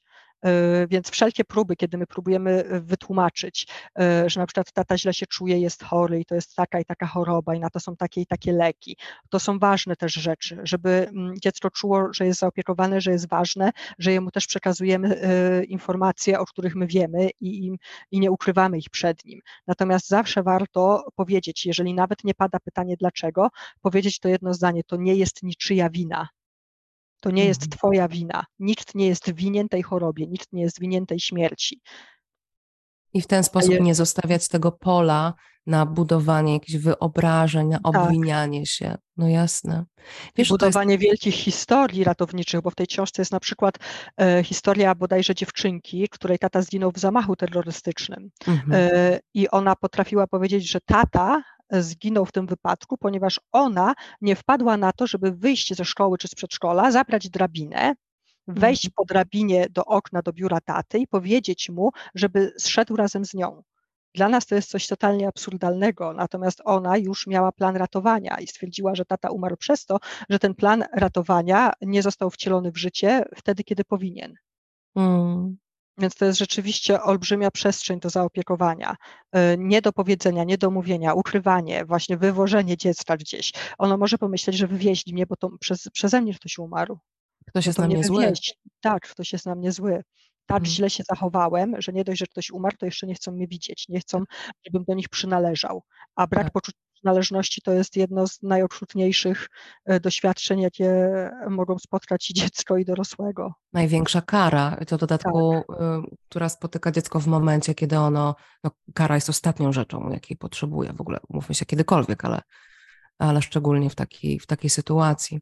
Ta książka odpowiada na pytanie, jak rozmawiać z dzieckiem o śmierci, mhm. a wydaje mi się, że y, kiedy, kiedy ktoś umiera, no, również o śmierci, ale zastanawiam się, y, albo inaczej, tak z obserwacji wyobrażam sobie, że bardzo dużo osób zadaje sobie w ogóle najpierw jeszcze inne pytanie, czy w ogóle rozmawiać o śmierci z dzieckiem? Jeśli tak, to kiedy, w jaki sposób? Tak, to, mm, to jest też wynika chyba z takiego przekonania, że jak o czymś nie mówimy, to tego nie ma. To tego nie ma, mm, tak. Tak, ja uwielbiam to określenie, że rozmawianie o śmierci nas nie zabije. E, I sama nieraz je sobie powtarzam w momencie, kiedy rzeczywiście ja już jestem przeciążona i stwierdzam, że może e, za dużo wzięłam na siebie. E, to jakby to mnie odsuca, że to, że jakby praca pracą, a ja sobą. Aneta, myślę, no że... ale to, to czekaj, to jest, to jest inny kawałek, to jest kawałek pracoholizmu, to nie łącz tego. Ale jest coś e, takiego właśnie, że myślimy, że jak przemilczymy, to tego nie będzie, że jak e, nie powiemy, e, to nie zaistnieje w życiu. Natomiast zapominamy też o tym, że nawet już nie śmierć, ale że sama żałoba nie jest związana tylko i wyłącznie ze śmiercią, że dziecko prędzej czy później doświadcza mnóstwa mikrostrat bądź większych strat, które wywołują również w nim żałobę. Stratą może być pójście do przedszkola, Przecież no, to może być żałoba. E, dziecko może doświadczać żałoby. Nie ma mamusi non-stop. E, pojawienie się rodzeństwa. Do tej pory. Tak, pojawienie się rodzeństwa, zmiana miejsca zamieszkania, zmiana pracy przez mamę i mama zmienia cały rytm pracy, dojeżdżania do pracy mm, nie wiem, przeprowadzka w obrębie mieszkania samego, że zmieniamy dziecku pokój. To wszystko mogą być straty wywołujące e, właśnie między innymi takie emocje i stawiające przed dzieckiem zadania, jak y, zadania, które stawia przed nami żałoba, czyli ja muszę uporać się z emocjami, muszę zrozumieć, że jestem w nowej rzeczywistości i się w niej odnaleźć, bo to są te podstawowe zadania. Mm, więc jeżeli jest nam trudno y, jakby ująć żałobę w kontekście śmierci, to może łatwiej będzie nam rozmawiać w kontekście innych strat. To jest jedna z takich opcji. Natomiast druga, która mi się bardzo podoba mm, i którą sama y, wykorzystuję jakby w swoim y, macierzyństwie, to jest wykorzystywanie tych wszystkich nadarzających się okazji naturalnie. E, jak zmiany pór roku, jak e, chociażby to, że jest dzień i jest noc, e, że to wszystko gdzieś tam krąży i się zmienia. Nie udawanie, że jak widzę na parapecie martwą muchę, to że nagle tej muchy nie ma i jak moje dziecko się pyta, co to jest, to powiem, a to mucha, która leży na plecach i sobie odpoczywa. albo śpi, śpi. Tak, albo śpi, tylko rzeczywiście staram się w jakiś chociaż najprostszy sposób powiedzieć, że ta mucha już nic nie czuje, że to jest mucha, która sobie kiedyś żyła i latała, ale teraz ta mucha już nie żyje. Tyle wystarczy. Na w, w jakim wieku y, mm, zaczynamy y, komunikować takie y, prawidła? Mm, ja myślę, że tak naprawdę skoro dzieci około drugiego roku życia zaczynają tak naprawdę rozróżniać ożywione od nieożywionych. Mhm. E, i zaczynają rzeczywiście rozróżniać, że mama jest tym ożywionym obiektem, a lalka jest tym nieożywionym, to my wtedy możemy spokojnie wprowadzać e, powoli tematy związane właśnie z przemijaniem, e, z tym, że coś może być ostateczne, bo to też fakt, że dzieci nie rozumieją tej ostateczności, nieodwracalności śmierci, to też jest bardzo ważna kwestia, ponieważ jednym z takich pierwszych zadań w momencie doświadczania straty związanej już ze śmiercią kogoś bliskiego jest zaakceptowanie rzeczywistości straty. To jest mm. pierwsze zadanie. Jeżeli my tego zadania nie zrealizujemy, nie pójdziemy dalej e, w realizowaniu zadań, jakie stawia przed nami żałoba. A dziecko, które nie rozumie nieodwracalności śmierci, bardzo trudno jest mu zrozumieć e, właśnie, e, że to jest nowa rzeczywistość, że dziadek nie wróci. E, że babcia nie wyruszyła w podróż, e, po której gdzieś tam wróci e, do nas. Mm, no to jest, też kolejny, to jest też kolejny argument y, przeciwko takim bardzo częstym praktykom, że właśnie mówimy, że co się stało z babcią, no babcia zasnęła, babcia poleciała do gwiazd, Tak. albo jeszcze coś innego, tak? Tak, pomijam jest jeszcze fakt, bardziej tak, e, już pomijam fakt, że później tak, dziecko się boi zasnąć. dokładnie tak, E, e, bo zasnęła i się już nie obudzi, tak? Tak, Więc jakby, ym, no, to, y, to jakoś tak przestrzegamy, myślę, przed, przed takimi pomysłami. Um, myślę, że to jest jakaś indywidualna sprawa, czy mówimy o niebie, czy Mhm. mówimy jeszcze o czymś innym, a natomiast y, o, o, o jakiejś innej. Tu jest y, w tej książce mm, e, Tamtej nocy nadeszła zima e, też tak to pokazane, że, ka że każdy temu chłopcu mówił inaczej, nie? Że na Mhm, pytanie, gdzie tak. jest mój braciszek, jedni mówili, że w ziemi, inni, że Mhm. w niebie, trzeci, że gdzieś tam y, w gwiazdach albo za gwiazdami i tak dalej, y, y, że mm, jak, jakoś ta opowieść nie była spójna, tak? Tuż Mhm. obok, w naszych wspomnieniach, w sercu. Tak. I tutaj też jest podpowiedź Lindy Goldman, która ona uwielbia pracować na pytaniach i ona też w momencie, kiedy dziecko się pyta, a, a gdzie jest teraz zmarły tatuś, odpowiada, jak myślisz, gdzie jest. I okazuje się, że dziecko ma już odpowiedź. Y, Ma odpowiedź na przykład, że tatuś jest tuż obok. Ja go nie widzę, ale cały czas o mnie dba. I okazuje się, że ta, ta odpowiedź jest zupełnie autoterapeutyczna. Y, Mm. Dziecko jest swoim własnym terapeutą i, i żadne pomysły dorosłych nie są tutaj potrzebne, tylko właśnie zadawanie pytań i słuchanie. Mm. A powiedz, co może pójść nie tak? Co, na co zwracać uwagę? W jaki sposób y, można zaobserwować e, i czy to się często zdarza, że ta mm, żałoba y, jest jakoś powikłana u dzieci właśnie? Pójść nie tak może mm, być y, brak wsparcia. To jest to Mhm. główne pójście nie tak. E, Mhm. Zostawienie dziecka samego sobie. Mhm. Mm, I tak naprawdę wydaje mi się, że te główne powikłania, i w momencie, kiedy my mówimy o powikłaniu żałoby, to też już się trochę zmieniło naukowo, e, bo wcześniej myśmy mieli określone, że może trwać miesiąc, później dwa miesiące, a później pozwolono na rok, niektórzy łaskawie na dwa lata i Teraz tak dalej. znowu nie, teraz znowu Teraz nie. już znowu nie, nie może tyle trwać. Mm, To już abstrahując i odchodząc już nawet od tego, niezaopiekowana żałoba w żaden sposób to jest najgorsze, co może pójść nie tak. E, Zostawienie dziecka jako takiego samotnego żałobnika, zresztą dzieci często są nazywane e, przez specjalistów pracujących z dziećmi w żałobie jako takich samotnych żałobników niedostrzeganych. I to jest Mhm. największe niebezpieczeństwo. Ale to nie jest tylko niebezpieczeństwo w związku z żałobą dziecka, ale również z żałobą dorosłego, ponieważ patrząc właśnie z tego współczesnego spojrzenia, że żałoba jest czymś aktywnym, Mm. czynnym, e, jest procesem wymagającym realizacji określonych zadań, te zadania nie, będą, nie jesteśmy w stanie ich zrealizować, nie mając wsparcia. I pierwszym Mhm. wsparciem jest tak zwane wsparcie naturalne wokół nas. Jeżeli my go nie mamy, potrzebne jest nam wsparcie specjalistyczne. E, I bez wsparcia naprawdę może coś pójść nie tak, bo my utkniemy na realizacji jakiegoś zadania. Albo w ogóle żadnego się nie, nie weźmiemy e, nawet zadania, e, bo Tak. przecież dorosły też ma prawo nie uznać rzeczywistości straty. Może Tak. nadal sobie wmawiać, że to nieprawda. Mhm. Mam y, y, tak bardzo mi się teraz otworzyło gdzieś y, mm, myślenie o mm, mamach albo w ogóle rodzicach, którzy do, doświadczają straty okołoporodowej. Szczególnie na takim etapie ciąży, kiedy nie jakoś, z jakiegoś powodu społeczeństwu jest trudno uznać, że można mieć żałobę Tak. po, nie wiem, dziesięciotygodniowej ciąży.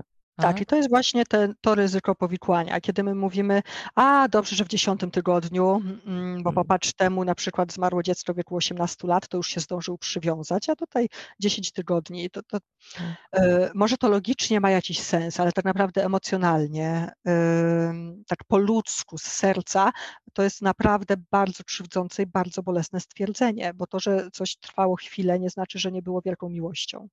Mm.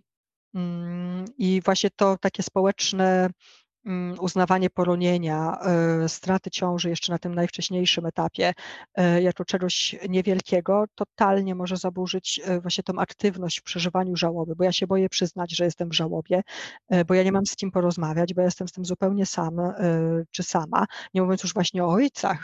E, Dla, m, żałoba ojca p- przy stracie okołoporodowej to już jest w ogóle jakiś temat, który chyba nie istnieje w, w przestrzeni publicznej w jakikolwiek sposób.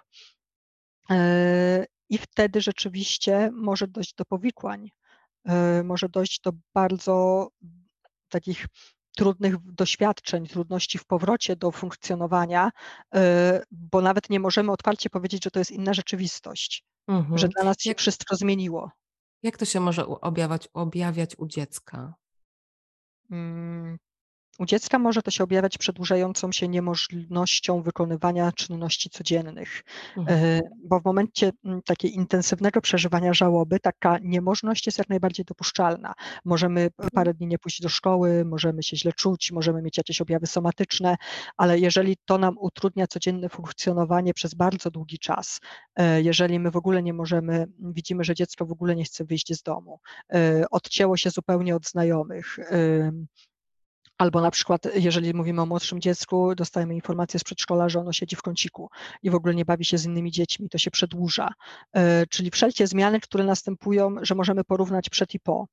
I one trwają dłużej e, niż, no i tutaj też trudno określić czas, bo to, bo to może wracać, mm, ale znając własne dziecko, my jesteśmy w stanie też wyczuć, Y, tą granicę. Jak Jesteśmy długo do tej pory tak. zajmowało tak. mu y, regulowanie trudnych emocji na przykład, tak? Tak, i czy on w mhm. ogóle z tym regulowaniem przychodzi do nas, bo bardzo dużym sygnałem może być to, mm, że dziecko, póki ma możliwość do koregulacji, ono oczywiście o tym nie wie, że to jest koregulacja, że on sobie przychodzi i e, mama konteneruje, czyta ta, te emocje, e, nawet poprzez zwykłe przytulenie, które tak naprawdę jest niezwykłe, jeżeli chodzi o emocję, jaką ma, to znaczy, że to dziecko, to dziecko gdzieś tam ma tą swoją mm, umiejętność samozdrowienia, chociaż też bym nie chciała nazwać e, żałoby chorobą, bo chorobą nie jest, ale to jest taka mhm. umiejętność właśnie poradzenia sobie z czymś, uznania tego i pójścia dalej.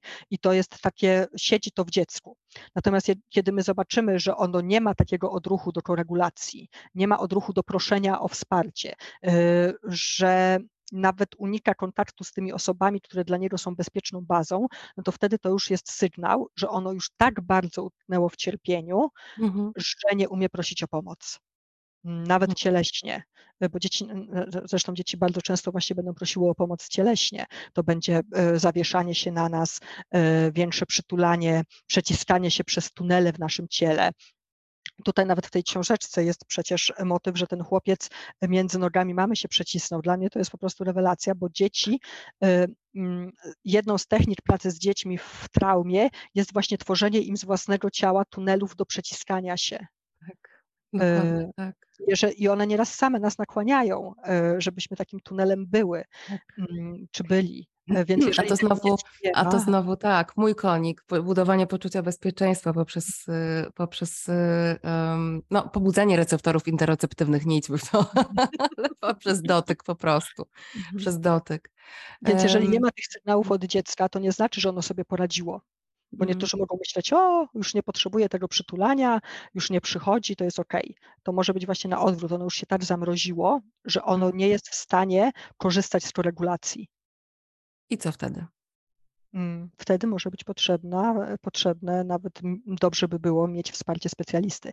I y, nigdy, czy ja jakby nigdy nie proponuję, e, choć są różne szkoły, wsparcia tylko dla dziecka, bo dziecko nie jest zawieszone w próżni. Więc dla mnie takie wsparcie musi być systemowe. Nie chodzi o to, że musimy znaleźć psychoterapeutę systemowego, bo nieraz może to być trudne, nawet w dużym mieście, a jak jesteśmy gdzieś w małym miasteczku, to w ogóle znalezienie psychoterapeuty to już jest dość duże wyzwanie, ale jeżeli już znajdziemy wsparcie, to niech do, to wsparcie będzie dotyczyło nas wszystkich. Czyli na przykład, jeżeli mm, w domu zmarła babcia, z którą dziecko było bardzo mocno związane i widzimy, że tutaj już właśnie robi się niebezpiecznie, że nie ma tej koregulacji, że dziecko gdzieś utknęło, y, to o tej śmierci babci, która gdzieś tam była rodzicem, na przykład załóżmy mamy, to że ta mama też idzie o tym porozmawiać, że ten mąż, tata też idzie porozmawiać, y, że spotykają się razem mm, albo osobno każdy z nich rozpoczyna swój proces terapeutyczny, ale że to rzeczywiście dotyczy całej rodziny. Mhm. Tak, to ważne. Y, to, o czym mówisz, że dziecko nie żyje w próżni, mhm. że y, no, y, gdzieś strata bliskiej osoby dotyka całego tego systemu rodzinnego. I w momencie, kiedy dziecko zaczyna mieć różne objawy, to w ogóle też bardzo często świadczy o tym, że w całym systemie się coś dzieje, tylko że dziecko Tak. jest niejako takim y, głośnikiem, prawda? Jest y, gdzieś takim, y, takim elementem tego systemu, który zaczyna wyrażać to, że w całym systemie się dzieje coś nie tak. Tak. Mhm. Jeszcze tutaj taką idealną e, sytuacją byłoby wsparcie e, w placówce, jeżeli w jakiejkolwiek dziecko się znajduje. Czy to jest Mhm. przedszkole, czy to jest szkoła. Ym, I to takie wsparcie chociażby psychoedukacyjne dla opiekunów, żeby oni wiedzieli, jak się zachować. E, Bo często jest tak, że my wykonujemy bardzo dużą piękną pracę z rodziną, natomiast dziecko znowu wychodzi do świata i tam styka się ze ścianą, e, bo Tak. nic z nim nie rozmawia. Mm, bo dorośli ucinają, bo gdy dziecko na przykład w przedszkolu mówi, że chce do mamy, a mama nie żyje, to e, pedagodzy w popłochu dzwonią do taty i mówią, że co zrobić, co zrobić. E, I to nie jest teraz zrzucanie jakby winy na pedagogów, że oni nic nie wiedzą, tylko chodzi o to, że oni nie mają wsparcia. Nie ma czegoś takiego, ja skończyłam studia pedagogiczne, nie ma bloku e, mówiącego o wsparciu dzieci w żałobie. Mhm. Mm, Nie ma żadnych e, spotkań z interwentem kryzysowym, a w szkole wystarczyłoby jedno spotkanie psychoedukacyjne z interwentem kryzysowym, tak naprawdę, który wytłumaczy, na czym polega kryzys i wytłumaczy, że żałoba jest, może być wydarzeniem e, kryzysowym i że ten kryzys może przerodzić się w coś trudniejszego, właśnie, bo często kryzys, w którym mm, e, w sytuacji kryzysu, kiedy nie dostajemy wsparcia, może dojść do sytuacji transkryzysowej, gdzie inne kryzysy się narzucają, na przykład dziecko w żałobie zmienia grupę przedszkolną, więc Mhm. mamy już dwa kryzysy mm, i to bez jakiegokolwiek wsparcia przeradza się w objawy depresji u dziecka. Tak, dokładnie tak. Oj, duży to jest temat. Y, mam wrażenie, że, mm, że, że gdzie y, jakby, że, że mam wrażenie, że w którą stronę się nie zwracamy, to się otwiera znowu kolejny duży worek z y, jakimiś potrzebami, które należałoby zaopiekować. Już nie wspominając o tym, że docieramy też do miejsc, w których no, znowu się pojawia słowo system, który nie Mhm. wspiera. I, I trochę y, mam świadomość, że jeszcze przez bardzo długi czas nie będzie, mm, nie będzie ten tak zwany system działał tak jak, tak Mhm. jak powinien, tak jak byłoby optymalnie. Mm, Ale myślę też, że między innymi dzięki takim spotkaniom, jak to nasze dzisiejsze, dzięki takim rozmowom, dzięki e, nabywaniu wiedzy poprzez rodziców, a może też psy- psycholożki, pedagogzki i, i inne osoby, które nas tu dzisiaj słuchają, niekoniecznie z takich powodów mm, dla, dla własnego, prywat, dla, dla, dla zaopiekowania e, własnego osobistego dziecka e, w procesie żałoby, mm, to myślę, że y, właśnie dzięki temu my budujemy świadomość i dzięki temu y, ten temat y, może w końcu być traktowany w inny sposób, w ogóle dostępny i mm, że nasze dzieci mogą być traktowane inaczej niż my. E, Mhm. Być może byliśmy i byłyśmy traktowane w kontekście mm, doświadczenia żałoby. Bardzo Ci dziękuję, Aneta, i za to dzisiejsze spotkanie, ale też po prostu za, mm, za Twoją działalność, za to, że się dzielisz swoją wiedzą. Tak bardzo trudnym i takim tabuizowanym, ale też spowitym bardzo dużą ilością, bardzo dużą ilością jakichś y, mm, takich. no, dziwnych pomysłów na to, jak traktować dziecko y, w żałobie. y, Takich pomysłów, które no, nie pomagają, tylko wręcz utrudniają, które mogą doprowadzić do jeszcze większych problemów emocjonalnych, zarówno u tego dziecka, jak i w, w całym systemie rodzinnym. Więc dziękuję Ci bardzo za to, że działasz, że piszesz. E, Odsyłam tutaj z naprawdę absolutnie e, wielkim, wielkim poleceniem do Twoich e, kanałów, do Twoich treści. Aneta Zychma, znajdziecie, znajdziecie Anetę mm, w, e, na profilu Tulistacja. E, To jest głównie Facebook czy głównie Instagram? Mm, Głównie Facebook. Głównie Mm, Facebooka, więc tam, tu tak. listacja e, na Facebooku, e, ale ty masz też bloga, na którym publikujesz recenzje chociażby, prawda? Tak, od czasu do czasu recenzję, od czasu do czasu napiszę jakiś właśnie tekst dotyczący żałoby. Natomiast od niedawna, nie wiem czy to miesiąc, czy nawet jeszcze nie minął miesiąc, pod szyldem tulistacji na Facebooku jest też nowa grupa, zupełnie bezpłatna dla osób wspierających dzieci w żałobie i nazywa się Makowe Pole. Mhm. I to jest grupa, e, która właśnie pokazuje, e, jak wielkie zapotrzebowanie jest e, na ten temat. I rzeczywiście do grupy nie dołączają tylko i wyłącznie, bo ja zawsze zadaję pytanie, dlaczego chcesz dołączyć do grupy. Mhm. Nie dołączają tylko rodzice, którzy wspierają dzieci w żałobie, ale dużo psychologów, psychoterapeutów, psychoonkologów, osób pracujących po prostu na co dzień w szkole, ucząc jakiegoś przedmiotu. Więc to też jest piękne, że ludzie chcą zdobywać wiedzę. Mm, natomiast ja też myślę, że taka podstawa podstaw tego wszystkiego e, to jest e, w końcu uznanie, że dziecko jest podmiotem relacji. I dopóki my nie wejdziemy w końcu na ten poziom e, społecznego zrozumienia, że dziecko jest podmiotem relacji, a nie przedmiotem wychowania, to nie będziemy mu w pełni dawać między innymi prawa do żałoby. Mm, bo jakby już trochę zaczynamy rozumieć, że dziecko ma prawo do popełniania błędów, tak? że dziecko ma prawo do wyrażania własnego zdania, dziecko ma prawo do swoich emocji, swoich planów na życie, które nie są planami rodziców. Natomiast to prawo do żałoby nadal gdzieś jest tam e, z tyłu. Mm, I to jest pokłosie właśnie tego przekonania, że dziecko jest przedmiotem wychowania i my możemy je sobie obłupać e, wedle życzenia swoim rodzicielskim dłutem i zrobić swoją własną rzeźbę. Mm, I myślę, że dopóki jeszcze takie przekonanie w nas tkwi, to nadal ten temat żałoby będzie gdzieś tam zaniedbany. No, także Drodzy rodzice, bardzo prosimy odłożyć dłuta e, i e, zająć się odpowiadaniem na potrzeby, e, robieniem przestrzeni i miejsca na autonomię i szanowaniem praw naszych dzieci do, do posiadania, wyrażania emocji i również do przeżywania żałoby. Wtedy, no ale tutaj że tak przerwę, to tutaj też pojawia się ten problem, że my często jesteśmy takimi rzeźbami. Ach, to jest oczywiście, tak, że tak. Problem, że no żeby tak. dać dziecku prawo do bycia nierzeźbą, y, to musimy dać sobie prawo y, takie samo. Do bycia mm. nierzeźbą i tak, do doświadczania emocji i, e, emocji i żałoby takimi, jakie one są. I do sięgania po wsparcie. Wtedy, tak, i często rzeczywiście najlepszą rzeczą, jaką my możemy dać dziecku, jest pójście na własną terapię. Mm, jest A to tak w ogóle, nawet poza, tak. poza, poza tematem żałoby i trudności Zgadza innych. Się. Mhm. Po tak. prostu. Y mhm. No tak, ale to już jest temat na kolejne spotkanie. Mm, zgadza się. Y Szalik Ciotki Melancholii, y wydawnictwo Studio Koloru i tamtej nocy nadeszła zima, wydawnictwo Media Rodzina. Polecamy? Do... Polecamy, tak wspierania dzieci własnych y, oraz cudzych w kontekście ekspertów? Tak, i polecamy do własnej autoterapii. I do własnej Również. autoterapii. Tak. Super. Samemu też można przeczytać. Nawet jak się nie ma dzieci. Oczywiście.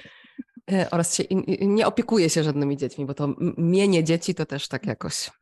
To nie trzeba się opiekować. Jesteśmy w społeczeństwie, w którym są dzieci, więc mimo wszystko wchodzimy w jakieś interakcje. Dokładnie. Bardzo Ci, Aneta, dziękuję. Mm, za to spotkanie y, i no mam nadzieję, że to będzie pierwsze z wielu spotkań. Chociaż biorąc pod uwagę, jak długo się umawiałyśmy na to spotkanie, no po prostu długie życie przed nami po to, żebyśmy się mogły jeszcze parę razy spotkać. dziękuję Ci pięknie. Ja również bardzo dziękuję. To było Radio Czułość. Jeśli chcesz więcej, zajrzyj na mój profil na Instagramie o matko depresja albo na mojego bloga pod adresem www.joannafrejus.pl. Do usłyszenia.